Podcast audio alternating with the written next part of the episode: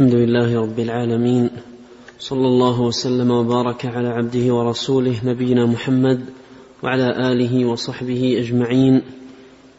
أما بعد فيقول الإمام أبو بكر محمد بن الحسين الآجري رحمه الله تعالى حدثنا جعفر بن محمد الصندلي قال حد قال أخبرنا زهير بن محمد قال أخبرنا علي بن عثمان اللاحقي قال حدثنا حماد بن سلمة قال أخبرنا ثابت عن أنس بن مالك عن عبد الله بن مسعود رضي الله عنه أن رسول الله صلى الله عليه وسلم قال آخر من يدخل الجنة رجل يمشي على الصراط فهو يكبو مرة ويمشي مرة وتسفعه النار مرة فإذا جاوزها التفت إليها فقال تبارك الذي نجاني منك. لقد أعطاني الله عز وجل شيئا ما أعطاه احدا من الأولين والآخرين فترفع له شجرة فيقول أي رب أدنني منها فأستظل بظلها وأشرب من مائها. فيقول الله عز وجل يا ابن آدم لعلي إن أعطيتكها تسألني غيرها. فيقول لا يا رب. فيعاهده الا يسأله غيرها وربه عز وجل يعلم أنه سيفعل.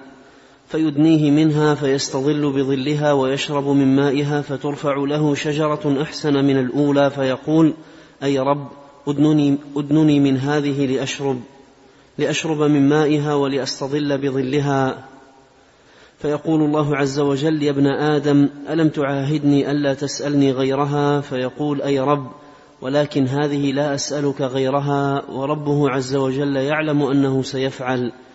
فيقول عز وجل لعلي إن أدنيتك منها تسألني غيرها فيعاهده ألا يسأله غيرها وربه عز وجل يعلم أنه سيفعل فيدنيه منها فيستظل بظلها ويشرب من مائها فترفع له شجرة أخرى هي عند باب الجنة أحسن من, الأول من الأوليين. فيقول أي رب أدنني من هذه لا أسألك غيرها وربه عز وجل يعلم أنه سيفعل وهو يعذره لأنه يرى ما لا صبر له عليه فيدنيه منها فيسمع أصوات أهل الجنة فيقول أي رب أدخلني الجنة. فيقول يا ابن آدم ألم تعاهدني ألا تسألني غيرها؟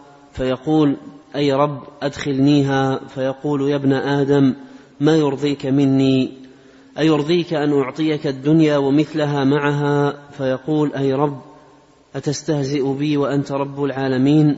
فضحك ابن مسعود رضي الله عنه فقال ألا تسألوني مما أضحك؟ فقالوا مما تضحك؟ فقال هكذا فعل رسول الله صلى الله عليه وسلم ثم ضحك. فقال ألا تسألوني مما أضحك؟ فقال من ضحك رب العالمين عز وجل منه حين يقول أتستهزئ بي؟ فيقول لا أستهزئ بك ولكني على ما أشاء قدير. فيدخله الجنة. بسم الله الرحمن الرحيم. الحمد لله رب العالمين. وأشهد أن لا إله إلا الله وحده لا شريك له. وأشهد أن محمدا عبده ورسوله صلى الله وسلم عليه وعلى آله وأصحابه أجمعين. اللهم علمنا ما ينفعنا وانفعنا بما علمتنا وزدنا علما وأصلح لنا شأننا كله ولا تكلنا إلى أنفسنا طرفة عين. أما بعد هذا الحديث حديث عبد الله بن مسعود ساقه رضي الله عنه ساقه المصنف رحمه الله تعالى لاشتماله على إثبات هذه الصفة صفة الضحك لله سبحانه وتعالى. وأن الله عز وجل من صفته أنه يضحك.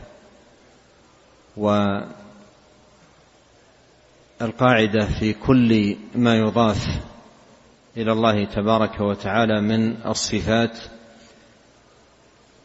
أنه يخص الرب جل وعلا ويليق بجلاله وكماله وعظمته سبحانه وتعالى. فإن الإضافة تقتضي التخصيص فما يضاف إلى الله من الصفات يخص الله ويليق بجلال الله وكماله. وعليه فإن ما يلزم من الضحك الذي يضاف إلى المخلوق ليس بلازم للضحك الذي يضاف إلى الله إلا في مفهوم أهل التشبيه. والله عز وجل لا يقاس بخلقه. بل إنه عز وجل يضحك ضحكا يليق بجلاله وكماله وعظمته سبحانه وتعالى. والضحك المضاف إلى الله يثبت لله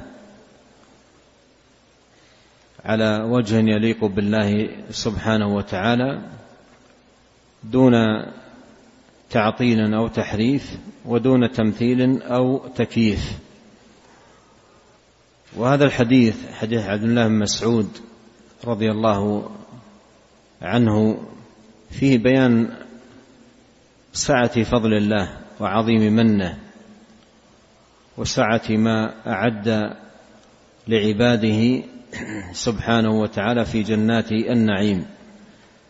فإن في هذا الحديث قصة آخر رجل يدخل الجنة.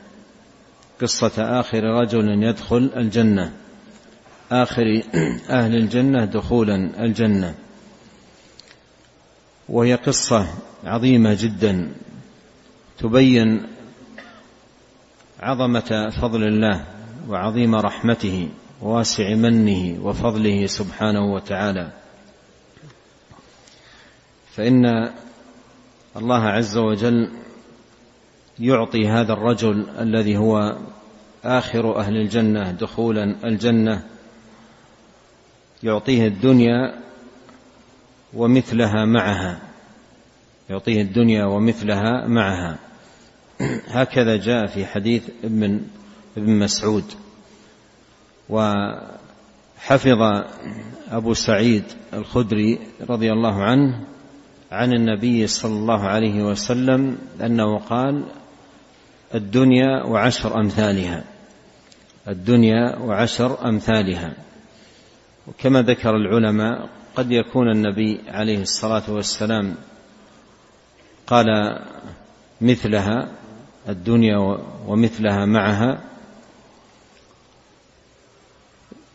فسمعه ابن مسعود وأيضا سمع أبو هريرة ثم زاد ذكرت له عليه الصلاة والسلام الزيادة فيما بعد فذكر عشر امثالها الحاصل أن آخر أهل الجنة دخولا الجنة يعطيه الله سبحانه وتعالى آه، الدنيا وعشرة أمثالها. فانظر عظيم فضل الله سبحانه وتعالى. إذا كان هذا عطاء من من هو آخر أهل الجنة دخولا؟ فكيف بمن هو أول أهل الجنة دخولا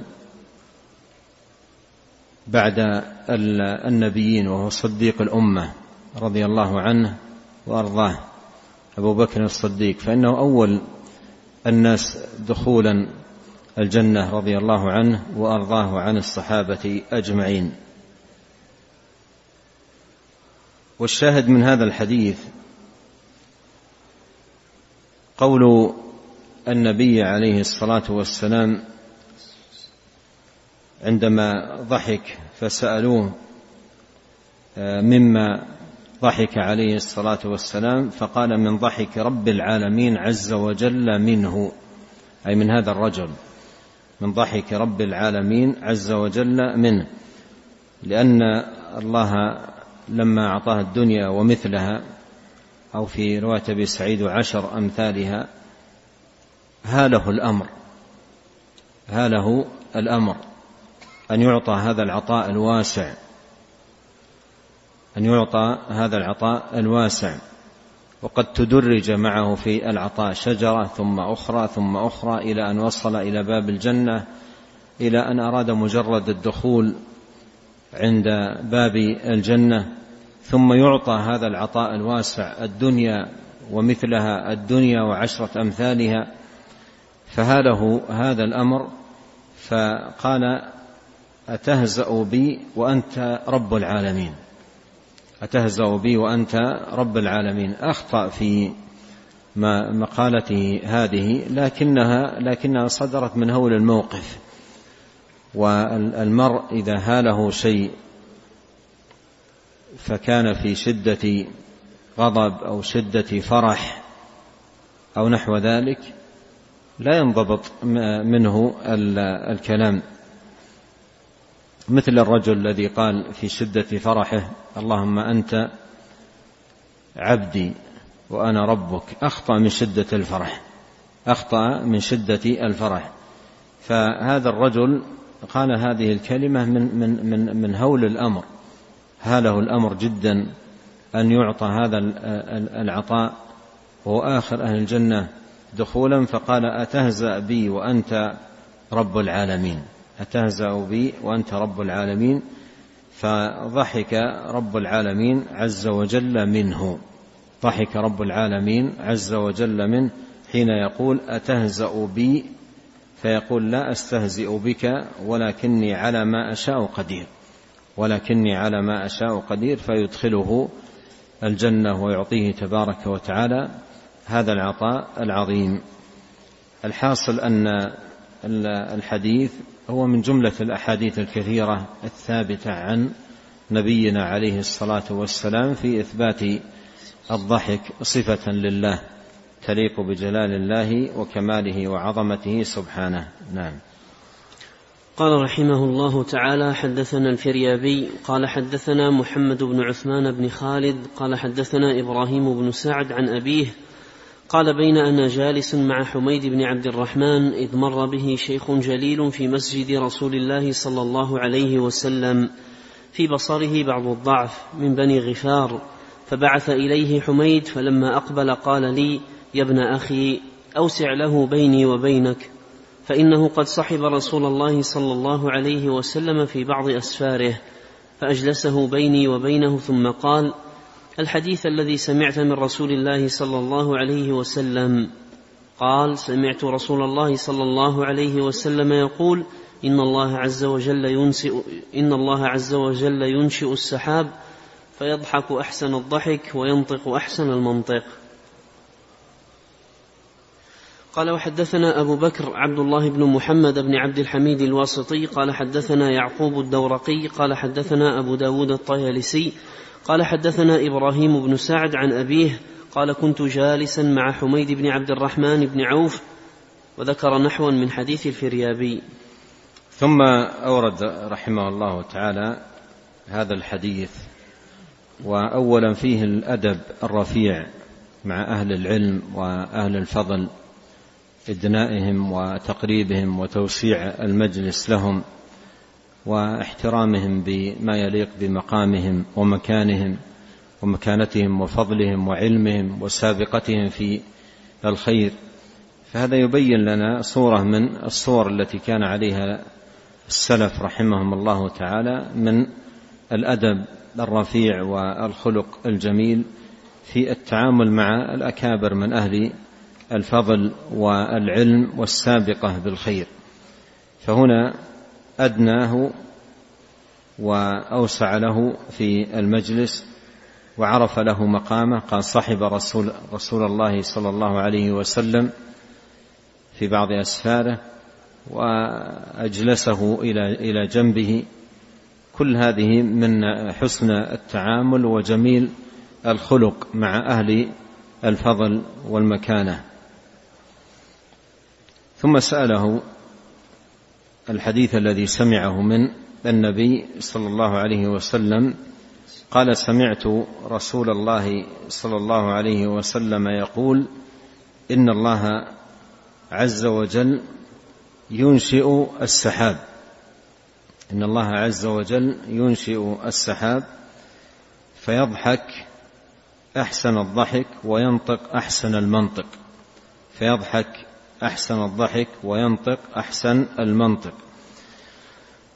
والمراد بالضحك هنا والنطق أي ضحك السحاب ونطق السحاب وأن وأنه يضحك أحسن الضحك والمراد بضحك السحاب انجلاؤه عن البرق والمراد بنطقه صوت الرعد. والذي هو يخبر عن المطر ودنو نزوله وقرب مجيئه. قال فيضحك أحسن الضحك وضحكه البرق ونطقه الرعد. قال فيضحك أحسن الضحك وينطق أحسن المنطق وهذا الضحك والنطق إذانا بنزول المطر ونزول الغيث. قال ابن كثير رحمه الله تعالى في في في كتابه التفسير في تفسير سورة الرعد ويسبح الرعد بحمده والملائكة من خيفته أورد هذا الحديث عند هذه الآية وقال والمراد والله أعلم أن نطقها أي السحابة الرعد وضحكها البرق. وأورد عن سعد بن إبراهيم قال يبعث الله الغيث فلا أحسن منه مضحكا ولا آنس منه منطقا فضحكه البرق ومنطقه الرعد. آه ولم يتبين لي وجها مناسبا لإيراد هذا الحديث في في هذه الترجمة في هذا الباب. الله تعالى أعلم. نعم. قال رحمه الله تعالى أخبرنا الفريابي قال حدثنا هشام بن عمار الدمشقي قال حدثنا إسماعيل بن عياش قال حدثنا بحير بن سعد عن خالد بن معدان عن كثير بن مرة عن, عن نعيم بن همار قال جاء رجل إلى النبي صلى الله عليه وسلم فقال أي الشهداء أفضل؟ قال الذين يقاتلون في الصف فلا يلفتون فلا يلفتون وجوههم حتى يقتلوا. أولئك الذين يتلبطون في العلا من الجنة. يضحك إليهم ربك عز وجل وإذا ضحك إلى عبده في موطن فلا حساب عليه. قال وحدثنا أبو بكر ابن أبي داود قال حدثنا محمد بن مصفى قال حدثنا أبو المغيرة عن إسماعيل بن عياش وذكر الحديث بإسناده مثله. ثم ختم رحمه الله تعالى هذا الباب بهذا الحديث العظيم أن رجلا جاء إلى النبي عليه الصلاة والسلام فقال أي الشهداء أفضل؟ أي الشهداء أفضل؟ ومما يستفاد مما يستفاد من ذلك أن الأعمال الصالحة ومنها الشهادة في سبيل الله يتفاضل أهلها فيها. وإن كانوا مثلا كلهم شهداء أو كلهم آه، مصلين أو كلهم صائمين إلا أنهم في الطاعة الواحدة يتفاضلون ليسوا في الفضل سواء. وهذا المعنى يدركه الصحابة رضي الله عنهم ولهذا كان من سؤالاتهم أي الشهداء أفضل؟ أي الشهداء أفضل؟ فالعمل الواحد من أعمال من الأعمال الصالحة يتفاوت فيه أهل الإيمان ليسوا فيه على درجة واحدة. فالشهداء بعضهم أفضل من بعض والمصلون في صلاتهم بعضهم أفضل من بعض والصائمون في صيامهم بعضهم أفضل من بعض فهم يتفاوتون ليسوا في درجة واحدة. في الأعمال الصالحة التي يتقربون إلى الله سبحانه وتعالى بها. قال أي الشهداء أفضل؟ قال الذين يقاتلون في الصف فلا, يلت فلا يلفتون وجوههم حتى يقتلوا. يعني في صمودهم وثباتهم وملاقاتهم للأعداء.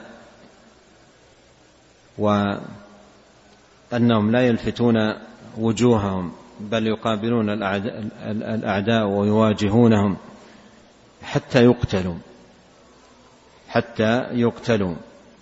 قال أولئك يتلبطون في العلا من الجنة يتلبطون أي يتقلبون. يتلبطون في العلا من الجنة أي لهم الدرجات العالية الرفيعة في الجنة.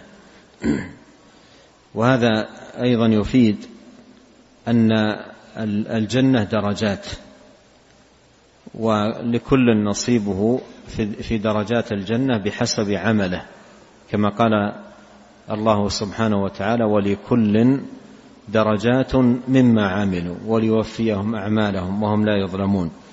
فهم يتفاوتون في المنازل والدرجات في جنات النعيم بحسب الأعمال التي قاموا بها. ولهذا قال أولئك يتلبطون في العلا من الجنات أي في الدرجات العالية من الجنة. قال يضحك إليهم ربك عز وجل وهذا موضع الشاهد من سياقة هذا الحديث في هذه الترجمة لما فيه من إثبات الضحك لله سبحانه وتعالى. قال وإذا ضحك إلى عبد في موطن فلا حساب عليه. وهذه فائدة ثمينة جدا وعظيمة للغاية. وفيها وفيها الأثر التعبدي الذي يترتب على حسن إيمان العبد بهذه الصفة لله سبحانه وتعالى على الوجه اللائق به. وأن ضحك الرب إلى عبده في هذه المواطن قد جاءت مواطن عديدة مر معنا جملة منها وأيضا في أوائل هذه الترجمة قرأت كلاما نفيسا لابن القيم عدد فيه رحمه الله جملة من المواطن التي يضحك فيها الرب إلى إلى عبده.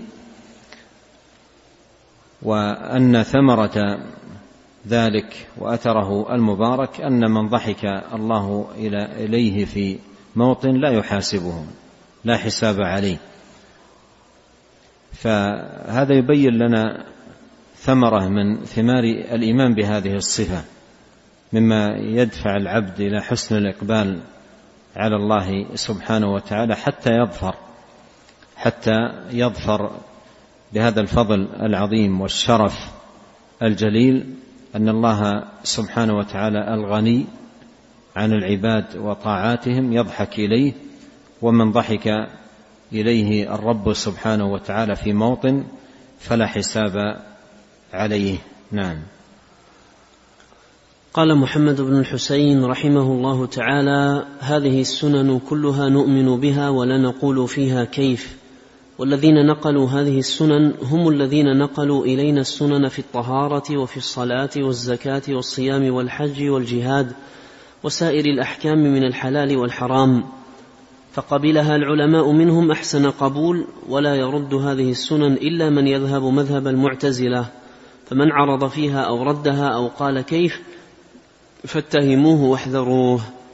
تم الجزء السابع من كتاب الشريعة بحمد الله ومنه صلى الله على رسوله سيدنا محمد النبي الأمي وآله وسلم تسليما. يتلوه الجزء الثامن من الكتاب إن شاء الله وبه الثقة. هذه خاتمة ختم بها الإمام الآجري رحمه الله تعالى هذا الباب المتعلق بإثبات هذه الصفة وشرح رحمه الله تعالى في هذه الخاتمة المنهج الذي عليه أهل السنة قاطبة تجاه صفات الله ومنها صفة الضحك وأن هذه السنن كلها يؤمنون بها ولا يقولون فيها كيف. يؤمنون بها أي يثبتونها ويؤمنون بما دلت عليه من صفات لله سبحانه وتعالى. ولا يقولون فيها كيف لأن التكييف في صفات الله سبحانه وتعالى أمر باطل فلا يقال في صفاته كيف ولا يبحث في شيء من صفاته عن الكيفية لأن الله سبحانه وتعالى أخبرنا عن الصفات ولم يخبرنا عن كيفيتها فنؤمن بما أخبرنا ونكف عما لم يخبرنا. ومن خاض في التكييف أو سأل عن صفات الله أو شيء منها بكيف فهو قاف ما ليس له به علم. وهذا من أعظم المحرمات ولا تقف ما ليس لك به علم. إن السمع والبصر والفؤاد كل أولئك كان عنه مسؤولا. وهو قائل على الله سبحانه وتعالى بلا علم وأن تقولوا على الله ما لا تعلمون. وهذا من أشد المحرمات وأعظمها. فالتكييف باطل. ولا يجوز أن أن يقال في شيء من صفات الله كيف كيف هو أو كيف صفته أو كيف يضحك. أو كيف ينزل أو كيف يجيء هذا كله باطل. هو سؤال محدث سؤال مبتدع. ولا يسأل مثل هذا السؤال إلا رجل إلا رجل سوء كما قال الإمام مالك رحمه الله تعالى. قال والذين نقلوا هذه السنن هم الذين نقلوا إلينا السنن في الطهارة وفي الصلاة والزكاة والصيام والحج والجهاد وسائر الأحكام من الحلال والحرام. الذين نقلوا لنا أحاديث الصفات هم الذين نقلوا أحاديث الأحكام. ومع أن النقلة هم النقلة تجد بعض من دخلت إلى نفسه شبهة أهل البدع إذا ذكرت أحاديث الصفات يستوحش وإذا ذكرت أحاديث الصلاة والصيام والحج وغيرها لا يصيب قلبه شيء من الوحشة مع أن النقل هنا هم نفسهم الذين نقلوا أحاديث الصلاة وأحاديث الصيام وأحاديث الحج هم الذين نقلوا أحاديث الصفات. فلما يستوحش عند ذكر أحاديث الصفات ولا يستوحش عند ذكر أحاديث الصلاة والصيام لولا أن قلبه أصيب بشبهة أهل الباطل. فجعلت بينه وبين أحاديث رسول الله صلى الله عليه وسلم وحشه. وهذا وهذا يدلنا على خطوره هذا يدلنا على خطورة الشبهات وأنها مرديه لصاحبها مهلكة له. حتى إن صاحب أو المبتلى بالشبهة والعياذ بالله إذا سمع أحاديث رسول الله صلى الله عليه وسلم استوحش من سماعها وربما وجد منها نفرة وربما تكلف أيضا ردها بأنواع من التكلفات كما هي طرائق كما هي طرائق أهل البدع والضلال. قال رحمه الله تعالى فقبلها العلماء منهم. فقبلها العلماء منهم. قبلها العلماء منهم أي من النقلة.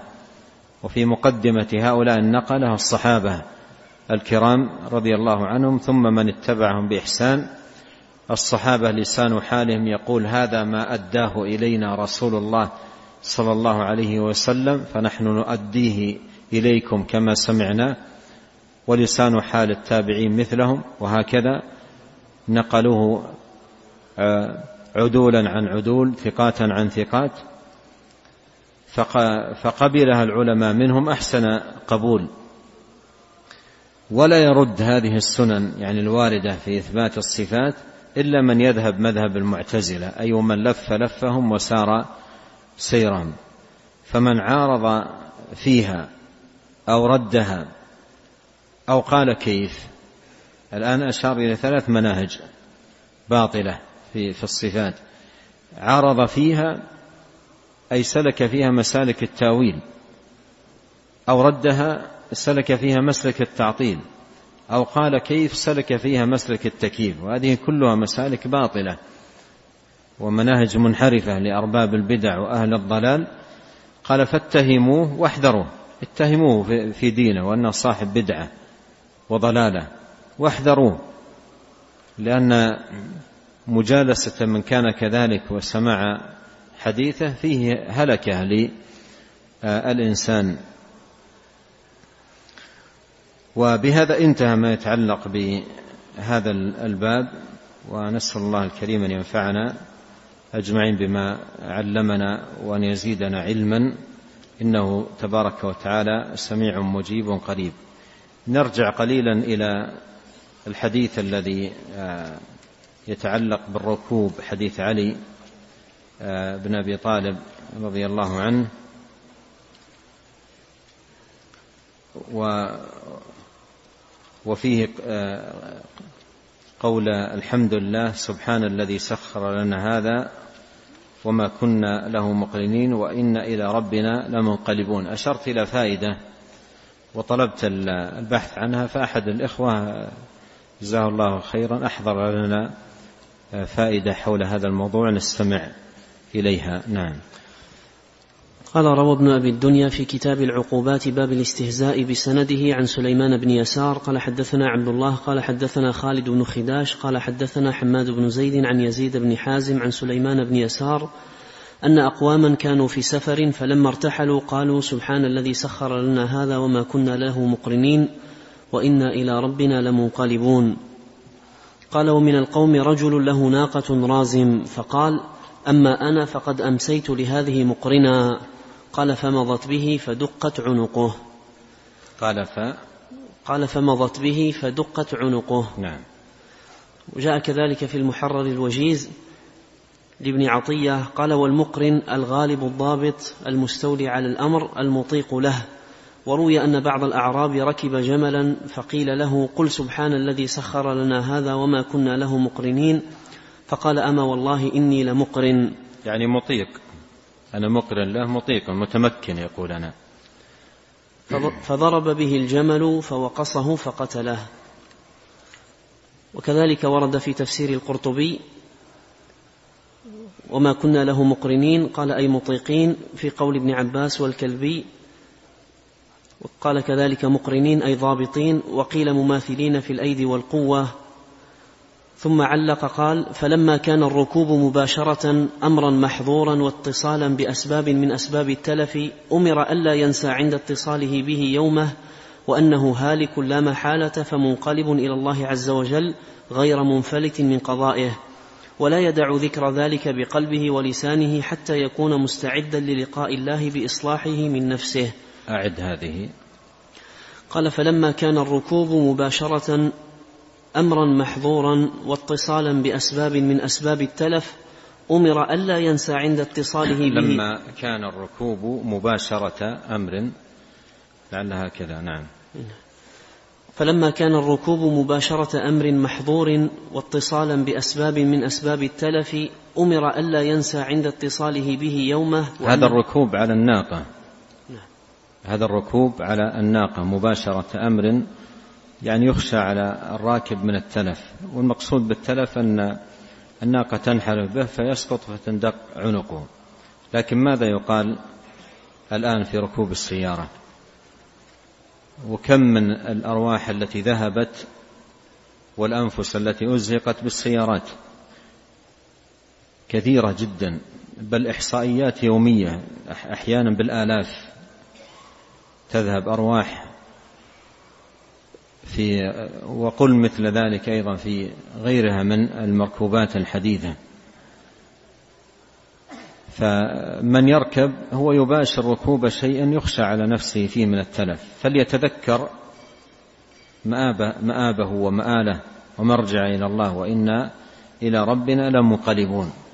ويكون في هذا التذكر من الفائدة والمنفعة له حسن التهيؤ والاستعداد.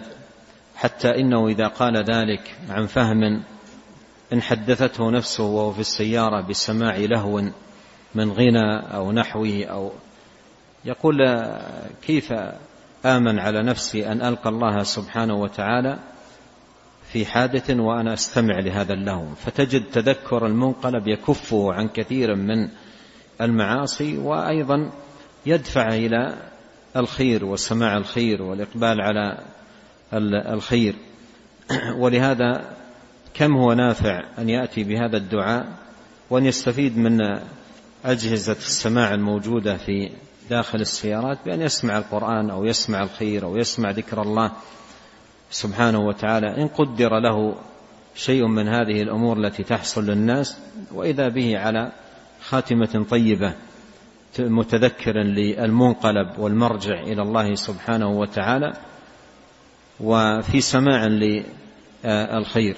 نعم. أعد الكلام. قال رحمه الله تعالى أي القرطبي فلما كان الركوب مباشرة أمر محظورا واتصالا بأسباب من أسباب التلف أمر ألا ينسى عند اتصاله به يومه وأنه هالك لا محالة فمنقلب إلى الله عز وجل غير منفلت من قضائه. ولا يدع ذكر ذلك بقلبه ولسانه حتى يكون مستعدا للقاء الله بإصلاحه من نفسه. حتى يكون مستعدا للقاء الله. انظر هذه الفائدة. يعني ليس المراد بأن تقول وإنا إلى ربنا لمنقلبون مجرد كلاما يقال. وإنما يعني يتحرك القلب إيمانا واستعدادا وتهيئا لهذا اللقاء والانقلاب والمرجع إلى الله سبحانه وتعالى. نعم. ثم قال والحذر من أن يكون ركوبه ذلك من أسباب موته في علم الله وهو غافل عنه. وكذلك جاء في نظم الدرر قال ولما كان كل راكب شيئا من هذين الصنفين مستحضرا كل حين أنه في أسفاره منقلب أو أنه ينقلب في أسفاره إلى محل قراره ذكرهم سبحانه بذلك أن ظهر أن ظهر هذه الأرض لهم مثل ظهور السفن والدواب يسبحون بها في لجج أمواج يسبحون, يسبحون بها في لجج أموال في لجج أمواج الزمان وتصاريف الحدثان.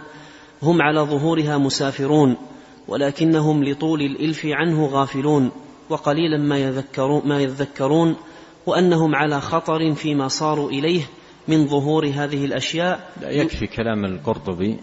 يكفي نعم.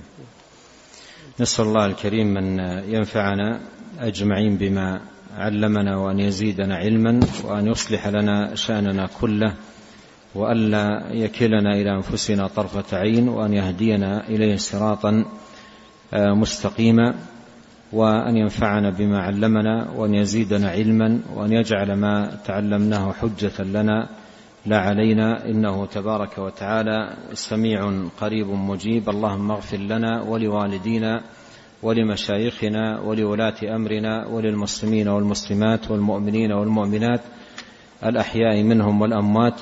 اللهم اقسم لنا من خشيتك ما يحول بيننا وبين معاصيك ومن طاعتك ما تبلغنا به جنتك ومن اليقين ما تهون به علينا مصائب الدنيا.